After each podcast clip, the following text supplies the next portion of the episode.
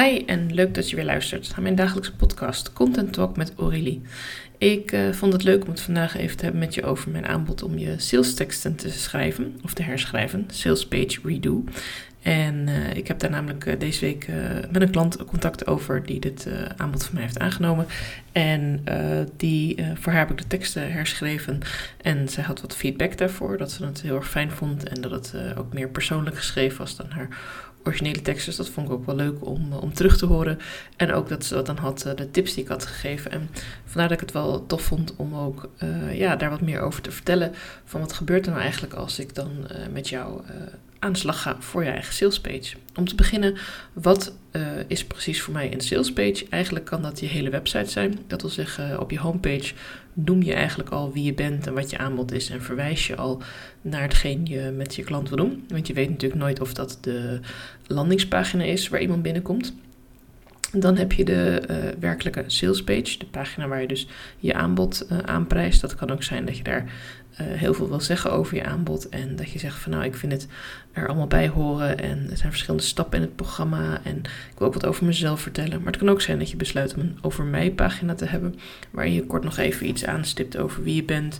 Uh, waarom je tot het doel gekomen bent. En vooral ook uh, what's in it for me naar de klant toe. Want we vergeten vaak dat een over mij pagina natuurlijk niet gaat over wie jij bent. Maar over wat je voor je klant wil doen. En daarom is dat voor mij altijd wel een stukje ja, gecombineerd. Je kunt het allemaal in één pagina doen. Dan zeg je, dit is mijn sales page. Daarin heb ik een mooie inleiding, een opbouw, uh, verwijzing naar mijn call to action, een stukje achtergrond, uh, reviews van klanten. Uh, dat kunnen ook klanten zijn die een gratis testenronde of een goedkoper pilot laat doen. Dat hoef je er verder niet bij te zetten.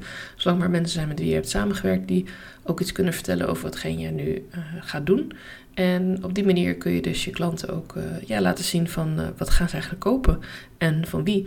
Want misschien dat je een brood gewoon bij de bakker gaat halen of bij de supermarkt en dat je denkt, nou het kan mij verder niet zoveel schelen waar dat brood verder vandaan komt. ik vind bepaalde soorten brood gewoon heel lekker of yoghurt of appels of wat dan ook. Of je die bij de groenteboer haalt of bij de supermarkt. Maar als het gaat om een half jaar coaching, als het gaat om een aantal sessies healing of andere vormen van uh, therapie, uh, dienstverlening, als het gaat om iemand die jouw VA gaat worden bijvoorbeeld, die voor jou bepaalde zaken uit handen gaat nemen, dan wil je weten wie de persoon is die daarachter zit. Dan wil je ook meer weten over die persoon en wat die persoon voor waarde heeft, hoe die persoon in elkaar zit, wat andere mensen ervan vinden die al met hem of haar hebben samengewerkt. En ja, dat bespreken we ook allemaal van, nou, wat staat er nu al op je website? Mijn proces is dan ook dat we beginnen met een gesprek. Echt een, een, een soort, ja, kernsessie noem ik dat dan. En um, daarin gaan we echt aan de slag van kijken, oké, maar waar sta je nu met je teksten? Wat wil je precies eruit halen?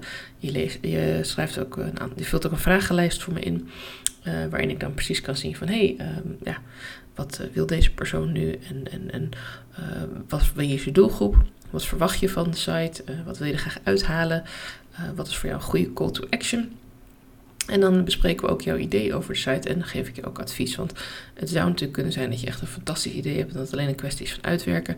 Het zou ook kunnen zijn dat je nog wat puntjes mist of dat je misschien een bepaald idee hebt wat eigenlijk niet helemaal realistisch is of waar je misschien wat meer onderzoek naar je doelgroep eerst mag doen. En daar kan ik je dan ook bij helpen. En als we dat dan helemaal uitgewerkt hebben en zijn allebei happy met: oké, ik weet nu voldoende. En uh, dan zal ik je misschien ook nog wel een keer wat vragen gaan weg het proces. Maar in principe geef ik je dan gewoon mijn datum dat ik je teksten ga aanleveren. En dat duurt meestal ongeveer een week, misschien iets langer.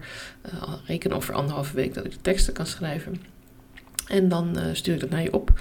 En dan kun je zelf uh, beslissen of je uh, per mail wil reageren. Of dat je zegt, nou, ik wil nog heel kort even overleggen erover, een half uurtje. Dat kan eventueel ook, maar het meeste kan gewoon per e-mail. Want we kunnen gewoon met track changes aangeven. Nou, dit anders of dat daar. En dan vervolgens krijg je de teksten afgerond van mij. En kun je dus overgaan tot publicatie van je pagina. Uh, ik geef ook advies over je beelden. Uh, misschien heb je al een bestaande website en er staan er gewoon hele goede stukken op. Dan kun je die ook hergebruiken. Maar het belangrijkste is eigenlijk dat jij met je salespagina gewoon uh, lekker aan de slag kunt gaan. En um, dat je dus ook je klanten weet te overtuigen met wie je bent, wat je voor haar kunt doen. hoe, op welke manier. En wat ik ook zelf belangrijk vind, dat je ook de prijs erbij zet. Want ik heb toevallig laatst weer eens even gevraagd aan wat mensen die ik sprak het is voor heel veel mensen gewoon echt een, no-go als er geen prijs op de website staat. Je wil gewoon weten, ook als je de supermarkt inloopt of als je een uh, elektronicazaak inloopt en je gaat een nieuwe tv kopen, dan vergelijk je op beeldkwaliteit of vergelijk je op ehm, hoeveel pixels, hoe groot is hij, uh, welke kleur, welk voetje hangt hij aan de muur, weet ik veel. Maar je kijkt ook naar de prijs. Prijs is nu eenmaal ook belangrijk. Mensen hebben gewoon een bepaald budget in gedachten ergens voor. Uh, soms zegt de prijs ook iets over de kwaliteit. Dat hoeft natuurlijk helemaal niet te kloppen.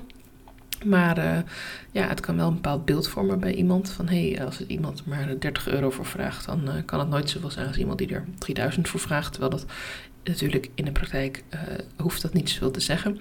Maar het is ook een stukje van ja, misschien ga ik nu in gesprek met iemand en denk ik dat het, weet ik veel, 600 euro kost. En dan blijkt het eigenlijk 6000 euro te zijn. Ja, dat is wel een heel ander gesprek wat je dan met elkaar hebt. Dus vandaar dat ik er altijd erg voorstander ben om een prijs te noteren, al is dat maar een vanafprijs. En om ook heldere foto's te gebruiken van jezelf. Um, vraag als je op dit moment geen budget hebt voor een fotograaf. Vraag een goede vriendin, een business buddy. Of uh, regel een barter deal met iemand die wel aardig kan fotograferen. Uh, of ze wat foto's van je kunnen maken. Uh, zorg ervoor dat je altijd wat uh, goede achtergrond hebt, rustige achtergrond. Dat je uh, goed in de camera kijkt op je foto's. Geen andere mensen op de foto. Dus als je een hele leuke foto hebt van je zoon of dochter of met je partner, ja, hartstikke leuk voor op Facebook, maar ik zou hem niet op je sales page zetten. Um, en verder, ja, als je met mij verder hierover wil praten, je mag altijd even een vrijblijvende call inboeken natuurlijk. Dan gaan we samen in gesprek. Dan geef ik je nog zeker drie tips om verder te gaan. En wie weet gaan wij samen aan de slag met jouw salespagina. Lijkt mij ontzettend leuk. Lijkt mij een hele gave uitdaging om ook jou te mogen helpen met jouw eigen page. En misschien heb je al een hele hoop aan deze tips. Ga je zelf lekker aan de slag. En in dat geval vind ik het wel leuk om even te weten. Want dan kijk ik ook graag eventjes mee. En ja, graag tot een volgende podcast. Bedankt voor het luisteren.